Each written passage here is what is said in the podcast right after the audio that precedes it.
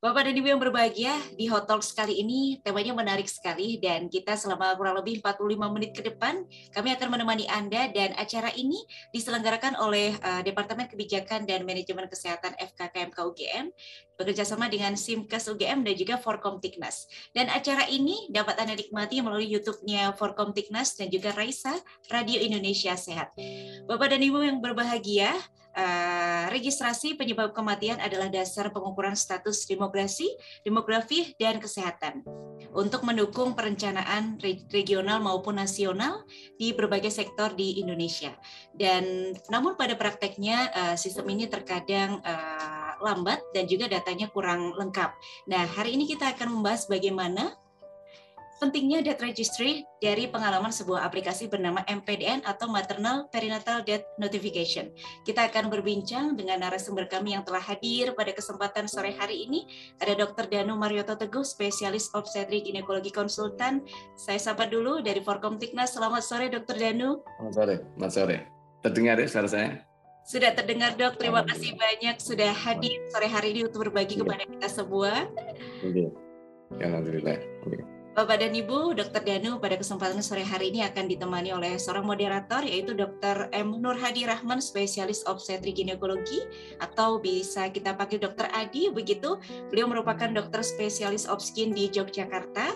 Beliau juga merupakan staf pengajar Departemen Obstetri dan Ginekologi FKKMK UGM dan beliau juga sebagai Ketua Pokja KP dan Kespro Pengurus Pusat POGI 2022 sampai dengan 2025 yang mana ini merupakan organisasi profesi untuk dokter spesialis kandungan. Dan baik, kami juga persilakan untuk Anda Bapak dan Ibu untuk bisa bergabung, untuk bisa nanti berdiskusi langsung, nanti langsung raise hand atau dituliskan di kolom chat. Baik, selamat menyimak Bapak dan Ibu. Waktu saya berikan sepenuhnya ke Dokter Adi. Silakan, Dok. Ya, terima kasih Mbak Galuh. Assalamualaikum warahmatullahi wabarakatuh. Waalaikumsalam.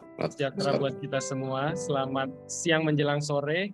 Ini cukup banyak yang sudah bergabung pada kesempatan pada sore hari ini pada acara Hot Talks Human Organization and Technology dan terima kasih sekali ini uh, pembicara kita Dr. Danu Tengguh SPOG ya yang uh, apa namanya dengan kiprahnya ya yang terkait maternal registry ini.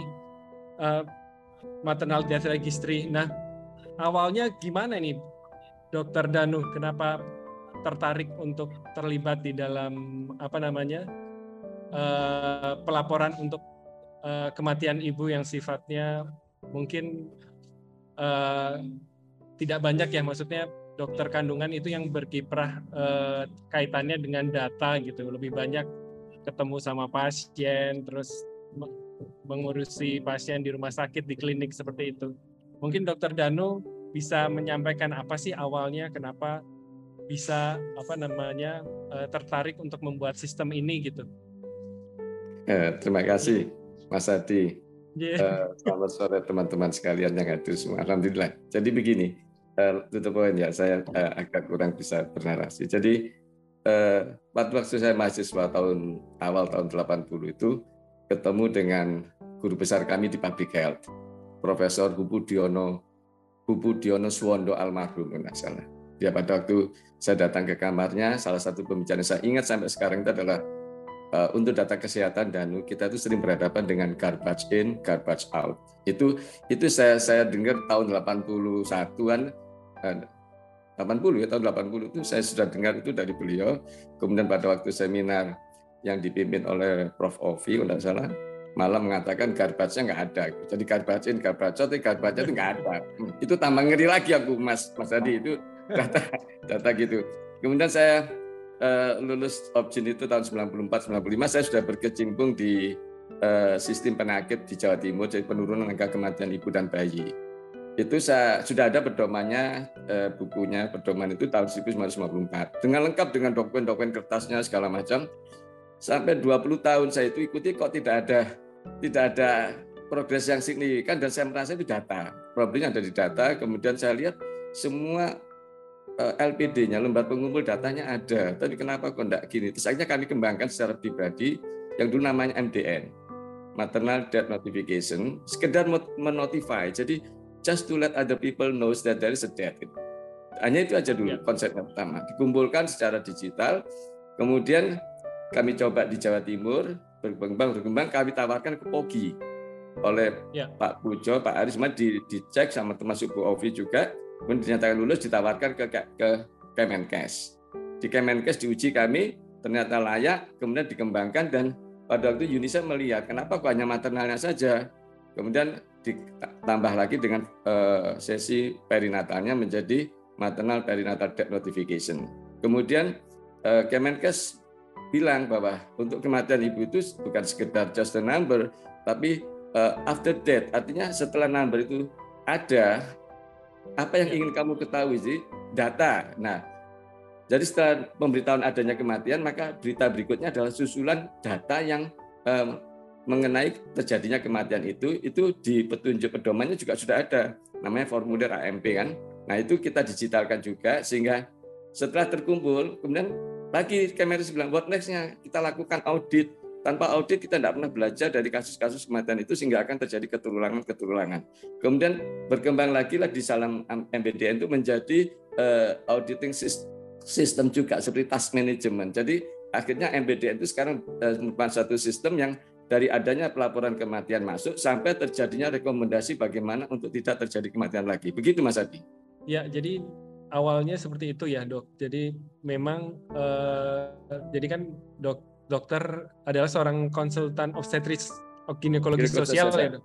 Okay. Sosial seorang dokter kandungan dan uh, melihat uh, kondisi di lapangan seperti itu. Jadi waktu itu tergerak ya hatinya untuk melakukan apa namanya suatu uh, apa ya nah, inovasi di bidang uh, pengumpulan data kematian ibu. Nah, nah tadi setelah tadi ya maksudnya ditawarkan melalui organisasi profesi. Nah ini ketergunaannya sekarang ini seperti apa? Apakah sudah banyak digunakan oleh uh, apa namanya di daerah-daerah lain atau hanya sementara masih berkisar uh, di Surabaya ataupun di Jawa Timur atau seperti apa? Apakah dari pemerintah juga sudah menangkap hal ini sehingga oh bagus nih ini maksudnya uh, data kematian itu kan ada di mana-mana ya bisa ada di uh, kamar bersalin kemudian dilaporkan ke dinas kesehatan ada di kamar uh, apa namanya forensik gitu ya. Kemudian dari data kependudukan misalnya dari catatan sipil juga mungkin ada di situ gitu ya terkait data kematian ini. Nah bagaimana cara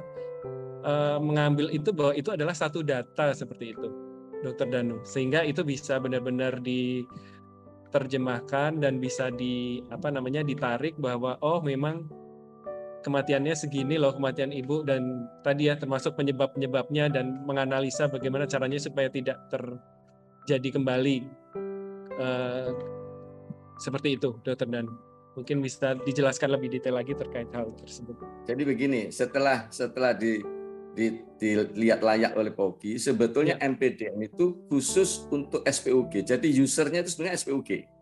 Oh iya. Jadi ya. SPUG. Karena the ide saya bahwa semua kematian itu yang di rumah sakit itu DPJP-nya adalah SPUG. Iya. Ya kan? Ya. Why not gitu loh. SPUG adalah seorang yang terpelajar yang sudah ahli, mestinya kalau ada komando dari atas, ayo ya. laporan kematian dilaporkan, maka cepat.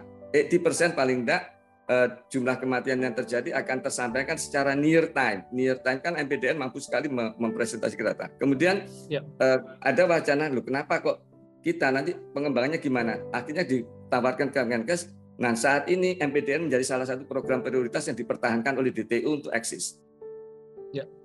Ya kan digital ya. transformation. Karena kan semua aplikasi ditarik. Yang ya. saya lihat yang di Kemenkes yang dipertahankan itu Simat Neo, ya. uh, EcoHot, MPDN dan satu lagi adalah uh, sisranap. Ya. Sisrute, sisrute. Nah, itu yang dipertahankan. Nah, jadi sebenarnya apa? Jadi MPDN sekarang sudah menjadi property of nation, sudah masuk di Bappenas pengembangannya segala macam begitu dan kelihatannya Kemenkes itu masih ter, tergerak pada bagaimana user yang yang namanya vaskes, puskesmas dan rumah sakit itu mau menotifikasikan kematiannya lewat MPDN. Itu sudah empat tahun ini Kemenkes itu ya. selalu mengadakan pelatihan-pelatihan baik secara regional itu terus, Mas. Jadi ya. ada anggaran, ada anggaran, ada DAK, ada segala macam anggaran yang dimintakan itu adalah bahwa semua kematian dari rumah sakit ya. dan dari puskesmas dilaporkan. Jadi yang mati ya. di lapangan di daerah itu seperti tadi itu dilaporkan melalui puskesmasnya, yang mati di rumah sakit dilaporkan melalui rumah sakit. Jadi untuk usage-nya itu sudah nasional, mas, sudah seluruh ya. Indonesia ya. dan kalau memang bisa dipresentasikan, kita bisa lihat usage-nya sekarang di uh, eh, mpdn.kemkes.go.id.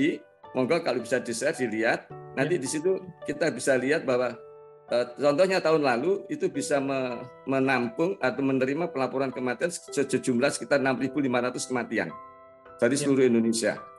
Dengan uh, presumption uh, cost-nya uh, kita membagi hanya lima yaitu perdarahan, kemudian infeksi, tekanan darah tinggi dan lainnya. Kemudian ya. permintaan Kemenkes assumption-nya tambah COVID segala macam. Jadi uh, di situ kita sudah sudah menasional ini property of nation itu mas ya. mas Anu Mas Adi. Iya iya terima kasih Dokter Danu. Jadi tadi penekanannya ini adalah aplikasi yang uh, apa namanya uh, dipergunakan oleh dokter Objin ya tadi.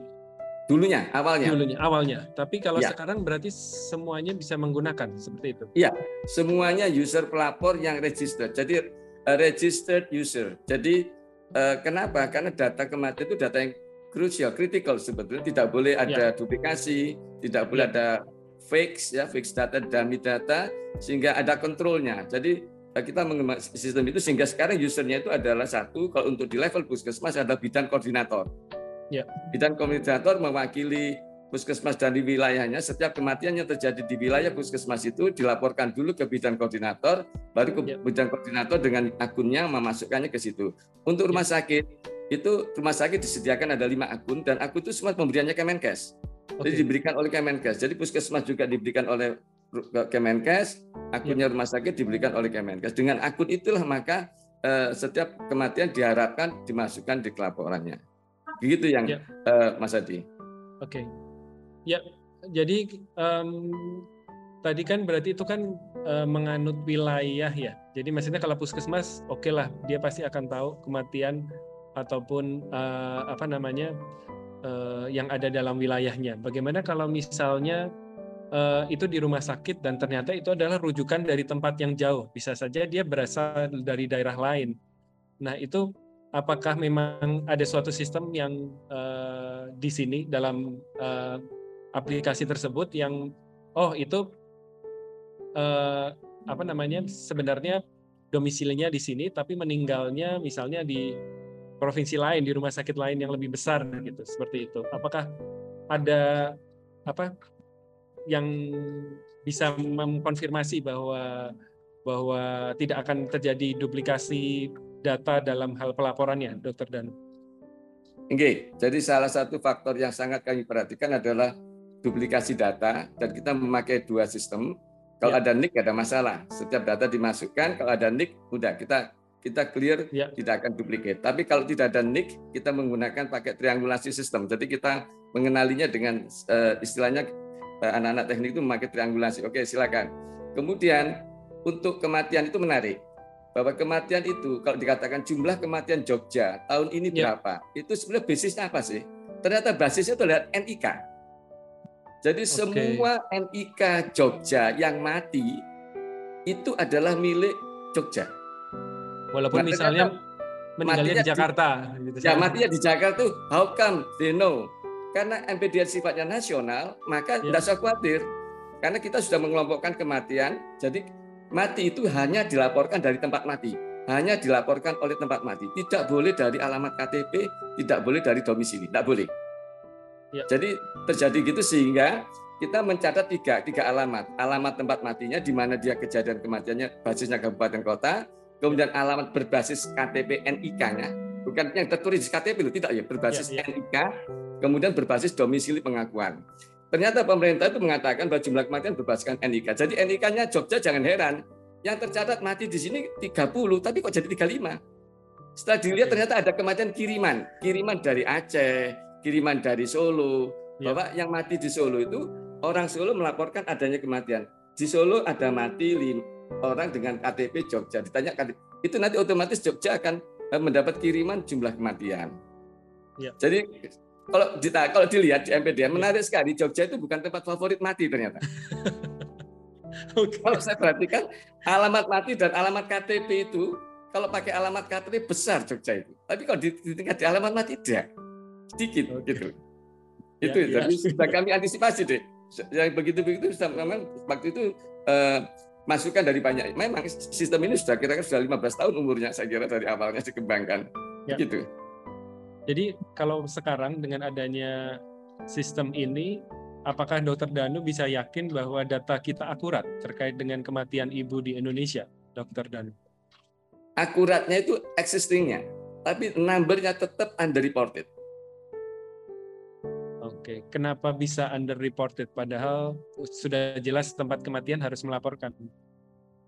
Dek, kematian kan sebuah aib, Dek. Jadi kalau ya. tidak ada regulasi yang jelas yang menekankan pelaporannya ya milih nggak melaporkan. Makanya pada waktu ya. kita di Kemenkes ada pertanyaan dari uh, Bu Direktur, ya. Bu Dijen, Pak Danu, berapa lama MPDN itu bisa dipakai oleh seluruh rumah sakit di Indonesia? Butuh waktu berapa? Nun saya waktu itu Pak Ilhami kalau tidak salah butuh waktu tiga tahun. Ya. Tiga tahun untuk mensosialisasikan supaya ini dipakai. Cuman saya bilang, saya butuh enam bulan. Loh kok, kok cepat? Iya, karena saya akan nyantolkan itu di akreditasi rumah sakit. Ya, karena rumah sakit itu paling takut sama kas waktu itu. Enggak ya, takut ya. sama siapa-siapa. Kalau kalau itu dicantolkan setiap disurvei kematianmu ada berapa? Dilihat di MPDN, loh kok hanya tiga, padahal di sini ada lima.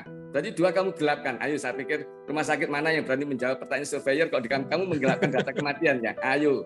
Tapi kenapa itu tidak dikerjakan? Sehingga underreported itu apalagi anak-anak, Dik.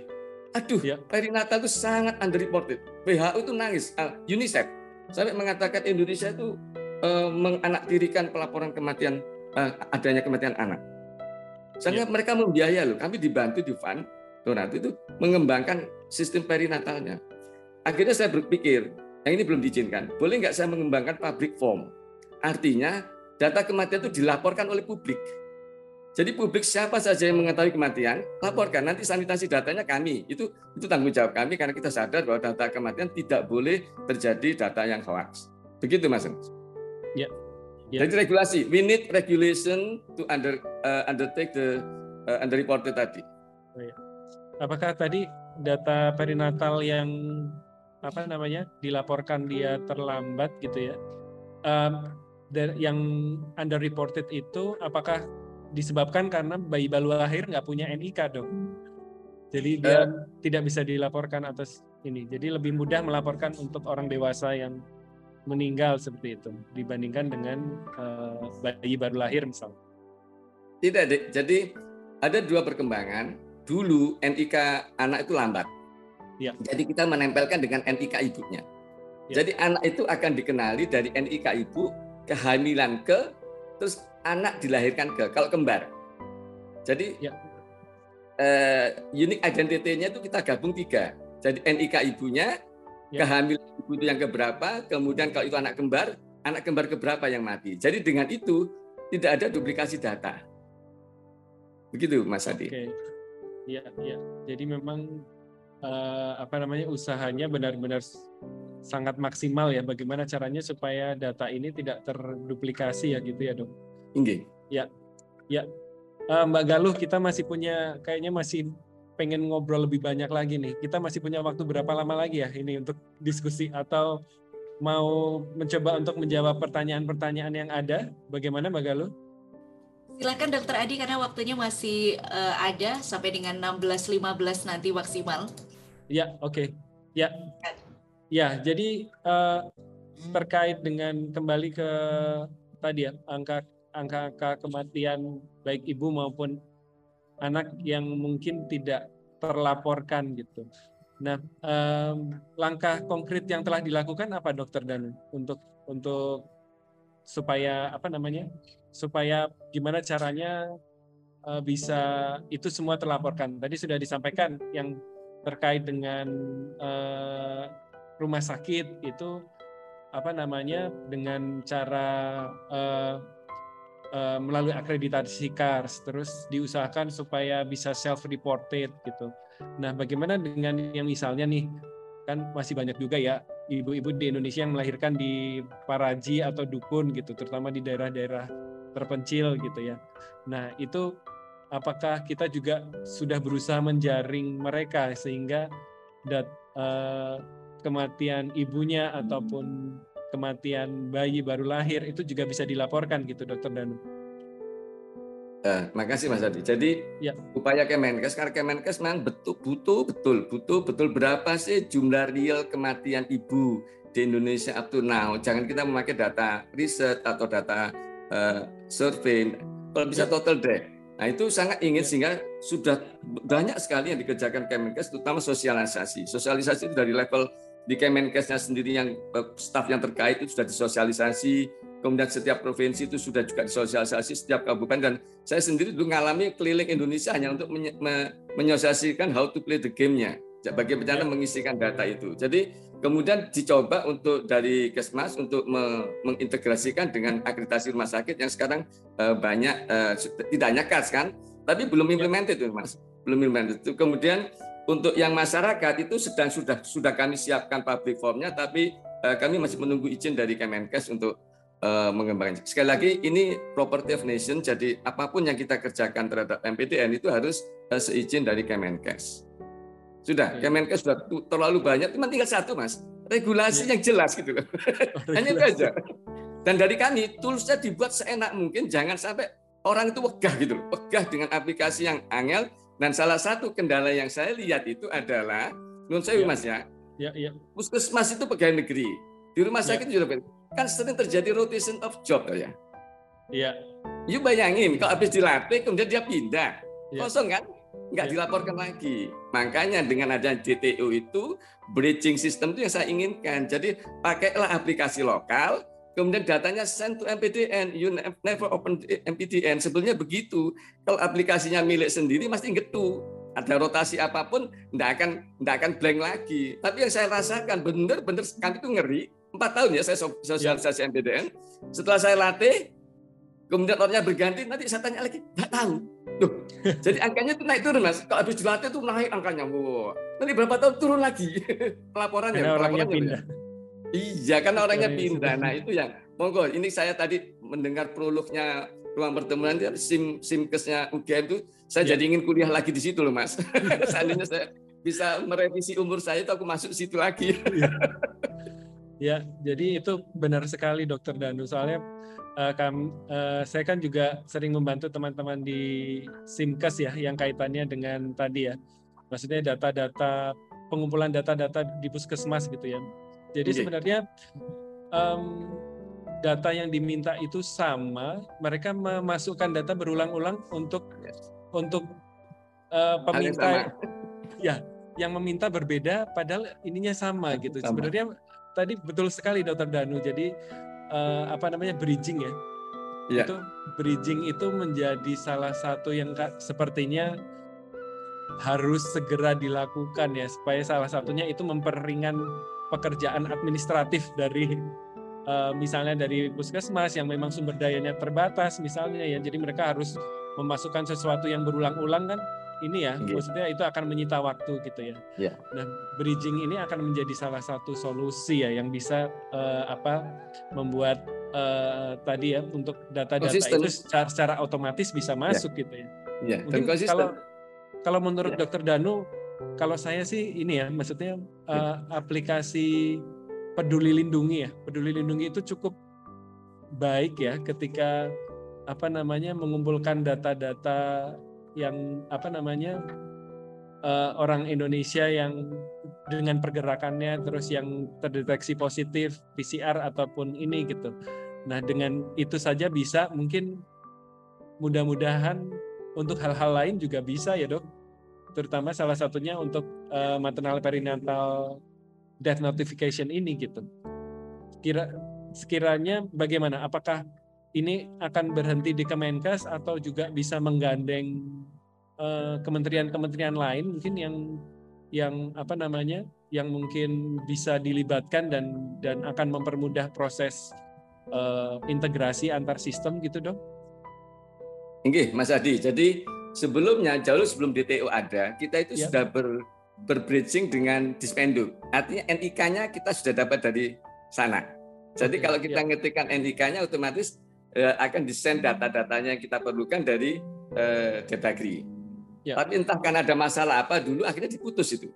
Diputus okay. sehingga kita tidak bisa lagi me memvalidasi orang ini domisilinya di mana. Karena domisili ya. itu sebenarnya kita harus menganut Depdagri. Ya. Kemudian eh, sistem-sistem yang akan seperti peduli lindungi itu kan sebenarnya hanya dashboarding. Tapi ingat data itu daerah punya otonom. Otonom itu termasuk otonom data. Jangan sampai ada data selonong, nyelonong keluar tanpa ACC pimpinan daerah. Nah di MPDN itu ada sistem hold. Jadi data ya. itu kalau dikirimkan, dia akan berhenti dulu sampai dinas kesehatannya ACC. Ya, ya. data ini rilis. Nah begitu rilis dia masuk, kemudian dia sudah bridge dengan Komdat. Nah, sebetulnya sebelum MPDN, Kemenkes itu sudah punya uh, pooling data. Pooling data yang namanya Komdat Kesmas. Komdat itu mengisikan data kematian, tapi mengisinya adalah agregat. Jadi tiap akhir ya. bulan, tiap awal bulan dimasukkan data itu sebenarnya berapa yang kematiannya 20. Nah, kemudian ada MPDN yang di, di, diminta oleh Kemenkes untuk integrasi sehingga data kematian tidak lagi dimasukkan agregat. Jadi baik case. Jadi ada mati ya. satu naik satu ya. Itu kan Pak Pak Budi senang. Iya, saya ya. ingin data itu tidak gelondongan masuknya, tapi by service. Per service karena kalau data itu agregat akan membebani anggaran negara. Sampai bilang gitu. Karena apa? Kalau kita men-track back itu tidak bisa. Tapi kalau ya. libat satu-satu kasus, kita sampai ke alamatnya nanti bisa dikembalikan gitu. Begitu tadi. Jadi itulah upaya yang kami setelah kerjakan, tapi sekali lagi itu semua adalah dirijennya ada di Kemenkes. Kami hanya uh, membantu seperti tadi uh, membantu keilmuannya dan kemudian ide untuk pengembangannya. Begitu Mas Ati. Ya, oke. Okay. Ya ini ada apa namanya sambil diselingi okay. pertanyaan ya dok. Okay. Ya sebelum kita berlanjut ini ada pertanyaan dari uh, Pak Lutfan, Pak Lutfan Lazwardi ini. Yeah. ini saudara sendiri. ya, ini uh, pertanyaannya terkait dengan maternal mortality rate dan infant mortality rate. Selama ini selalu terjadi perdebatan terkait dengan akurasinya. Karena yeah. berdasarkan estimasi dari survei yang disampling, apakah nantinya MPDN ini akan bisa memperbaiki situasi tersebut yaitu terkait dengan perdebatan akurasi data ini? Uh, terima kasih, Pak Lusman. Jadi seperti kita sampaikan, kita tahu bahwa MPDN itu hanya pembilangnya.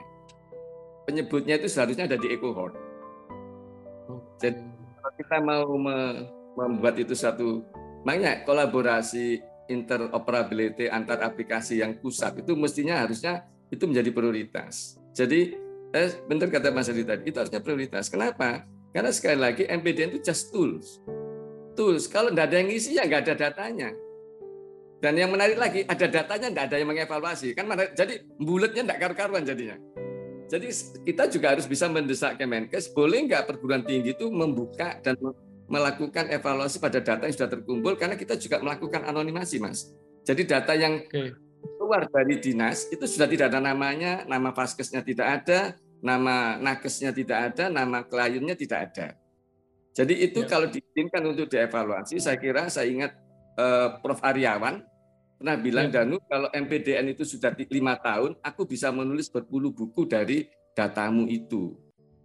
Nah itu kan ya. para pakar yang mengerti data, Prof. Aryawan, non saya salam hormat buat kami buat beliau, ya, itu ya, ya. matur. Dialah yang memotivasi saya kalau salah down bagaimana me, me, me, apa, me, meminta user atau meminta Kemenkes tolong perhatikan data ini ini sudah kami buat se, sebaik mungkin secara profesional untuk collecting data. Monggo setelah itu datanya dikembangkan. Nah, ya. bagaimana caranya user itu kan regulator seperti tadi saya baca di Simkes pendulunya kan perlu peranan regulator juga, perlu peranan ya. akademisi, ya. perlu peranan teknisi. Itu memang harus begitu gitu loh. Begitu Mas Adi. Jadi Mas Lutfan, yes, eh, harusnya bisa memperbaiki apa pun. Yaitu tadi validitasnya tergantung bagaimana kita mau konsisten dengan apa ya apa yang kita inginkan dengan tools ini. Begitu Mas Lutfan. Ya. Gitu Mas Adi. Ya mungkin terjawab ya Pak Lutfan ya dari apa yang sudah disampaikan dokter dan ya apakah ada lagi yang mau bertanya uh, kepada dokter Danu ya uh, bisa dituliskan melalui chat box ataupun mau menyampaikan langsung juga boleh.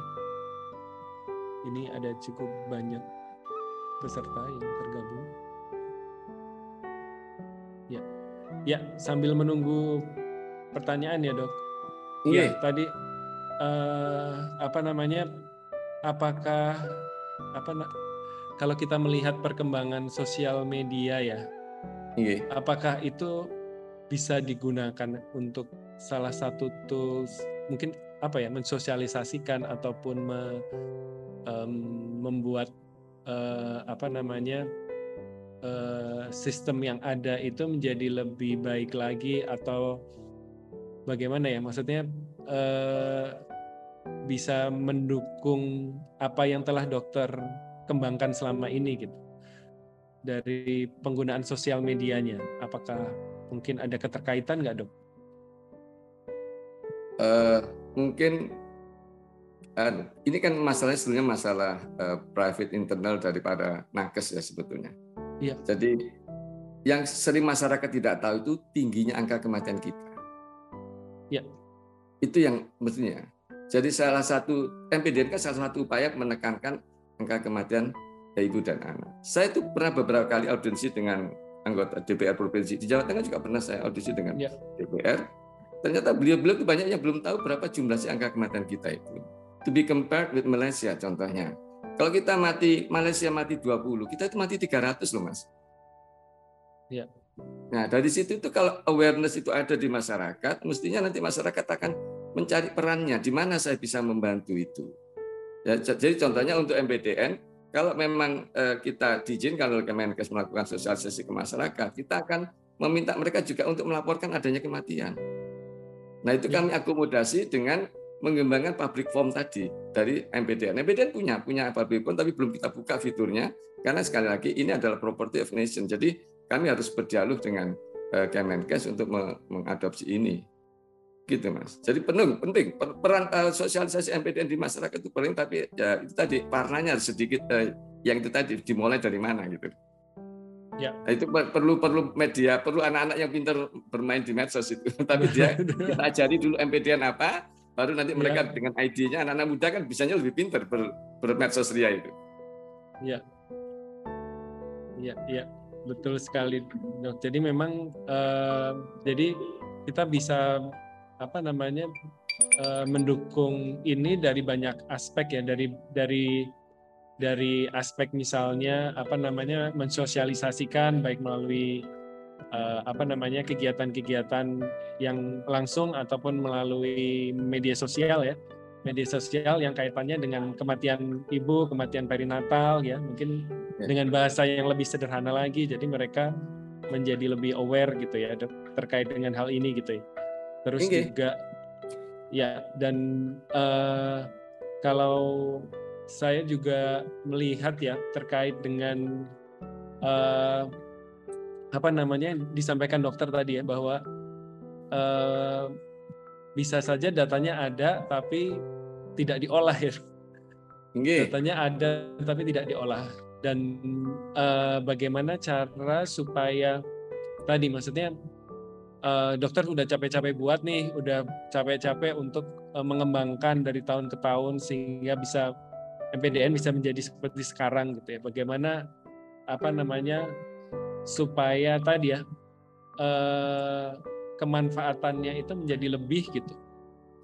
Yang kaitannya tadi misalnya bisa untuk di dunia pendidikan ataupun bisa memberikan feedback ke dalam regulasi sehingga itu akan menjadikan suatu kebijakan pemerintah yang menjadi lebih baik dan bisa apa namanya yang jelas untuk eh, apa namanya yang tujuannya mungkin juga akan menurunkan angka kematian ibu dan kematian perinatal juga gitu dok. Okay. Bagaimana dok? Jadi gini, jadi seperti tadi sosial media itu bisa kita mulai tahukah anda berapa sih jumlah ibu yang meninggal saat melahirkan yang seharusnya kematian itu bisa dicegah. Ya. Bukan salah siapa, tapi secara alami kan itu proses alami. Kenapa harus mati? Ya. Ternyata angkanya yang di ini saya lihat di MPDN hari ini ya, ya. yang tahun lalu dilaporkan adalah sekitar 6.000 6.220-an yang dilaporkan meninggal. Nah, untuk hari ini sampai dengan jam ini itu sudah 1844. Tapi kenapa kok tidak ada orang yang tahu bahwa ada ibu 1844 yang sudah meninggal. Tapi kalau ada pesawat yang jatuh, isinya cuma 200, ya, ya. itu Indonesia tahu semua gitu loh. Nah, berarti kan okay. Ada peran sosialisasi yang belum aware. Ternyata juga pejabat-pejabat itu tidak tahu bahwa ya. kalau kita buka Jawa Timur Indonesia tidak ada hari tanpa kematian. Kalau ada yang satu bulan yang tidak ada mati, Prof. Aryawan bilang, dan lu coba lihat itu ada hari Rabu dan hari Kamis di banyak bulan di satu kabupaten kok tidak ada yang mati. Kenapa? Ya. Nah itu itu pertanyaan itu begitu itu bisa muncul seperti itu bayangin. Oke, ya. Jadi ya, ya. sosialisasi ya. memang perlu ke sisi yang tadi yang sisi warna publik jadi uh, awareness bahwa nun sewu jadi kematian kita itu sebenarnya lebih mengerikan dari jatuhnya pesawat sebetulnya. Karena ini rutin, ini rutin tiap tahun sudah predicted. Jawa Timur itu kalau tidak 600 ya 1000 angkanya ya kan? Tapi pada waktu ada Lion Air jatuh 150 di Jawa Timur, wagonnya setengah mati. Tapi ada silent death yang luar biasa, masih membuat kita tetap tenang-tenang saja. Itu ya Mas yang kita sebagai SPUG ini juga harusnya mestinya ya rada prihatin. Terima kasih. Oke, terima kasih dok. Ini ada pertanyaan lagi nih dok. Ini ada yang raise hand, Dokter Dario yeah. Sumitro. Oh, oh ya. ayah kita. ayah kita. Senior kita. Dr. Daryo uh, mau ya. menyampaikan sesuatu atau ini dok? Terima kasih Mas Nuradi. Assalamualaikum Pak Danu, apa kabar? Waalaikumsalam. Waalaikumsalam. Waalaikumsalam. Uh, saya lihat usaha Mas Danu itu kan sudah lama ya. Iya. Yang terakhir malah tahun lalu kan kita sudah aktif-aktif juga untuk bicara disease rute masuk pada yang sekian mas penyakit kan ya gitu ya. Iya. Nah sekarang kan IHS itu lebih galak lagi menjadi satu sehat tuh Kementerian Kesehatan ya. Okay. Nah, pertanyaan saya itu MPDN ini apa sudah juga uh, ada kelihatan goyang akan masuk kepada platformnya satu sehat? Gitu. Inggih, dokter. Yang Jadi yang dulu IHS itu. Inggih, inggih. Karena kebetulan chief programmer kami sekarang itu kan sudah di DTO, dokter. Jadi oh, di sana. Ya. Iya. Jadi memang satu-satunya aplikasi yang fire itu MPDN, dokter. Oh, udah. Udah masuk sana ya? Iya, jadi sudah dipersiapkan dulu. Malah kalau pada waktu kita berdialog, saya buka-buka email saya tahun 2012 itu saya sudah bicara tentang HL7 dokter.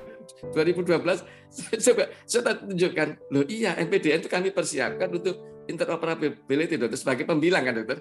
Jadi angka yang ada di MPDN itu adalah pembilangnya, penyebutnya itu loh yang kita minta dari eh, aplikasi-aplikasi uh, yang lain. Begitu, dokter? Iya, ya kan saya mengikuti ya MPDN ini ya hmm. dari ya udah lama kan ya sering diskusi okay. sama Mas Danu.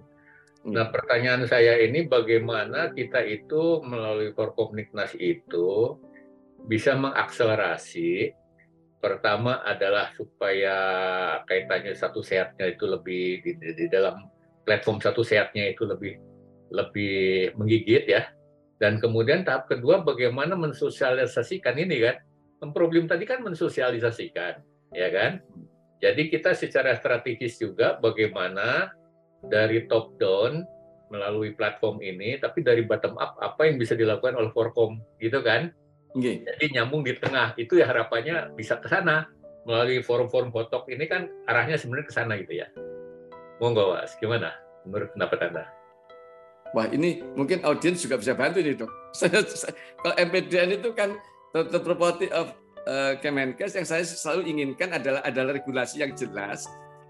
Kita manfaatkan akreditasi aja dokter. Itu untuk rumah sakit itu sudah 80 persen loh dokter. Jumlah kematian itu akan secara near time bisa tampil. Jadi kita tidak lagi dalam presentasi-presentasi kesehatan itu selalu datanya tahun lalu, dua tahun yang lalu. Enggak. Kita bisa sampai dengan jam ini yang dilaporkan jumlah kematian. Kenapa? Karena rumah sakit sudah begitu patuhnya setiap ada kematian, itu ibu dan anak itu dilaporkan. Karena anak pun sekarang mulai dari abortus sampai umur lima tahun itu minta dilaporkan, dokter. Ya. Karena diperpanjang. Auditnya sekarang diperpanjang tidak hanya pada neonatus, Eh, tidak padanya 28 hari tapi pada bayi sekarang dokter. Karena apa? Sepele daripada neonatus itu matinya di periode pus neonatus sehingga tidak terhitung mati. Lah orang-orang pediater, orang-orang dari UNICEF tuh minta diperpanjang auditnya itu. Jadi jangan ya. berhenti di 28 hari kehidupan. Jadi sakitnya di perinatal, ya kan dokter pada waktu hamil melahirkan, kemudian berkelanjutan matinya di hari ke-31 itu kan sudah tidak terdeteksi kalau diberhentikan sampai di situ. Itu dokter. Jadi memang banyak dokter yang uh, kami inginkan. Jadi sekali lagi sosialisasi yang saya mimpi itu adalah lewat akreditasi dokter. Oke. Okay. Apalagi sekarang badan akreditasi kan sudah ada banyak dokter. Sehingga titip oh tanya sudah dilaporkan enggak? Nanti akreditasi puskesmas ada juga. Selesai dokter 80% more than that. Iya. Jadi berarti kita harus uh, juga sosialisasi ke arah lembaga krisis mandiri rumah sakit yang ada enam sama ke lembaga indikasi apa eh, pelayanan kesehatan primer ya kan? Oh ini? Sama-sama lembaga mandiri gitu jadi mungkin uh, di sana yang perlu kita juga melakukan satu sosialisasi untuk pencatatan uh, kematian ini gitu ya kira-kira kan ke sana gitu Iya, Prokomtiktas bisa dok mendesain ya. itu dan kita ya. mengadakan pertemuan dengan persatu rumah sakit, contohnya ya. ya gitu, atau dengan para akreditasi apa pada pada pada akreditasi kita bersama sepakat karena mungkin regulasinya sudah ada tapi ya. mungkin kurang menggigit dokter. Iya. Dan dan yang penting kan Anda itu kan for Komtiknas juga ya. Jadi tinggal oh, iya, iya dokter. iya dokter. Oke, terima kasih Mas Danu. Ya, terima iya, kasih. Alhamdulillah. Terima kasih Dokter Daria untuk pertanyaan dan sesi sharingnya ya. Ya, um, ya masih ada sedikit waktu lagi dok. Jadi tadi uh, banyak yang sudah kita bicarakan yang tadi menjelaskan MPDN itu apa, bagaimana proses terjadinya um, dari awal kemudian akhirnya mendapat dukungan dari organisasi profesi yang tadinya hanya digunakan oleh dokter objin kemudian meluas ya karena uh, uh, karena ini digunakan oleh Kementerian Kesehatan, terus juga terkait dengan regulasi. Tadi saya ingin uh, bertanya lagi dok, ada ada sesuatu yang kurang jelas nih tadi yang kaitannya dengan akreditasi. Berarti ini sudah masuk atau belum dok? Terkait dengan uh, apa namanya bahwa kematian itu dilaporkan menjadi salah satu uh, apa namanya penilaian dari akreditasi KARS misalnya atau rumah sakit. Apakah ini sudah dilakukan atau baru sedang berusaha untuk dimasukkan ke situ gitu? Uh, non sewu, jadi dulu itu konsepnya ada di Prognas, ada di Mungkin Pak ya. Daryo lebih lebih lebih paham ya. Jadi kami ya. betul-betul mengusulkan bahwa ada pertanyaan yang to the point. Jadi jumlah ke, karena pelaporan kematian sebagai sentinel itu ada, ada evaluasinya ya. sampai dilakukan RCI apa eh, apa analisis kematiannya itu juga sudah di ada ada di akreditasi dulu waktu di KAS. Kemudian ya. menurut saya saya kurang aktif di KAS, kemudian saya karena lebih lebih memperhatikan keluhan dari user terhadap MPDN. Jadi kami ya. selalu memantau keluhan-keluhan apa itu yang kami perbaiki, Pak Pak. Jadi eh, sekali lagi sudah ada sebetulnya, cuman non saya detailnya saya enggak, tapi konsepnya kemarin saya lihat ada. Dan saya lihat juga pada ya. waktu saya juga agak gelo karena saya lihat EP-nya, elemen penilaiannya itu belum menggigit, belum tutup poin gitu loh. Masih bisa diselewengkan gitu loh maksudnya. Masih bisa iya, diselewengkan ya, gitu loh. Ya jadi nanti nanti kita lihat aja setelah uh, ini uh, apa adanya uh, akreditasi-akreditasi ini apakah uh, kita lihat nanti apakah para asesor itu juga menanyakan hal ini begitu. Untuk kan apa pun siapa pun di bawah uh, siapa pun yang bergerak di bidang kesehatan pun harusnya inline dan suportif terhadap apa yang dikerjakan Kemenkes kan gitu toh harus inline ya. kan dan harus dan sportif gitu. Ya. Makasih Mas Agus. Ya. Kan, Mas. Ya. ya, jadi um, apa namanya sudah tapi mungkin bisa lebih terarah lagi ya dok. Jadi mereka benar-benar ya. apa namanya bahwa yang namanya kematian ibu, kematian perinatal ini benar-benar sesuatu yang ya dilaporkannya harus benar-benar dilaporkan gitu. Jangan ada ya, data yang kan? disembunyikan lagi iya. Ya, ya. valuable mas mas Mamat ya. Jadi kan, valuable. Jadi sampai saya kadang-kadang berkatakan untung loh ya kita ini keluarga kita istri kita nggak terdaftar di MPDN saya bilang gitu ayo bakti kita itu kita kita saja menotifikasikan daripada nanti ada keluarga kita yang terdaftar di situ kan tidak enak gitu kan jadi rasa syukur ya. kita itu kita manfaatkan seperti itu jadi benar jadi sangat sekali kami berharap adanya satu regulasi dan tidak perlu baru sebetulnya. Saya, kami titip ke badan-badan asesor itu untuk bisa melakukan uh, re, apa ya, reinforcement pada pemanfaatan ini. Otomatis dengan penjelasan apa pentingnya itu angka. Itu not just a number kan begitu, bahasanya kan begitu. Ya. Ya. Begitu Mas Adi. Oke. Ya, jadi dan tadi juga disampaikan oleh Dokter Danu ya pentingnya sekali lagi kita sepakat ya dok bahwa uh, integrasi apa namanya interoperabilitas, integ, integrasi data yang bisa digunakan bersama-sama itu menjadi keharusan ya dan harusnya itu akan berada di level pusat ya dok yang memberikan kemudahan itu untuk bisa saling bridging antara satu data dengan data yang lain sehingga tadi maksudnya kerepotan di level yang paling bawah itu tidak terjadi gitu ya dok. Dan okay. juga tadi ya bagaimana caranya supaya data-data yang ada itu kalau sudah memang sudah berjalan dengan baik bagus data-data itu bisa dimanfaatkan baik tadi ya untuk pendidikan, untuk penelitian dan tentu kita juga harus tetap menghormati apa dari data itu ya. Jadi misalnya nama-nama tadi Dokter Danu juga sudah sudah uh, dengan dengan ini ya bahwa bahwa untuk apabila data itu dipergunakan tadi namanya akan ditutup mungkin yeah. Ya. uh, tenaga kesehatan dokter yang terlibat juga tidak ada begitu ya dok ya. Okay. Jadi memang sebenarnya sudah ini ya benar-benar dipersiapkan ya, disiapkan. Oke. Okay. Ya, ya dan kembali ke regulasi dok. Se uh, regulasi semacam apa sih di mungkin di tingkat nasional atau dari Kementerian Kesehatan ataupun mungkin ada berharap ada undang-undang atau apa yang kaitannya dengan ini supaya benar-benar ini menjadi suatu hal yang prioritas dan kemanfaatannya itu memang benar-benar dirasakan gitu dok. Terakhir dok, kayaknya ini waktunya juga ya. sudah ya. kurang tiga menit lagi dok. Sudah sudah ada SE, sudah ada surat edaran dari ya. Setjen untuk ya. semua rumah sakit melaporkan kematiannya langsung disebut semua kematian perinatal ibu dan anak dilaporkan melalui MPDN itu sudah ada. Ya. Dan surat edaran itu juga dulu yang mampu menghentikan kas untuk tidak survei, baik secara online maupun survei. Tapi menariknya surat edaran yang satu itu diikuti oleh gurunya rumah sakit, sementara ya. surat edaran yang satu rumah sakit tidak diikuti, meskipun sudah ada edaran. Jadi kan menarik. Ini gurunya manut, kok muridnya tidak manut gitu loh sama sama ada surat ya surat satu SE mengatakan ayo akreditasi di stop dulu selama pandemi, ya, ya kan? Ya, ya. Baik itu online maupun offline stop. Ya. Terus kemudian ada surat edaran lagi, itu dengan stop itu kas berhenti langsung, berhenti. Iya toh? Ya. Itu kan gurunya rumah sakit. Ya. Nah kemudian ada edaran semua rumah sakit, ada edaran per Februari tahun 2020. Ya.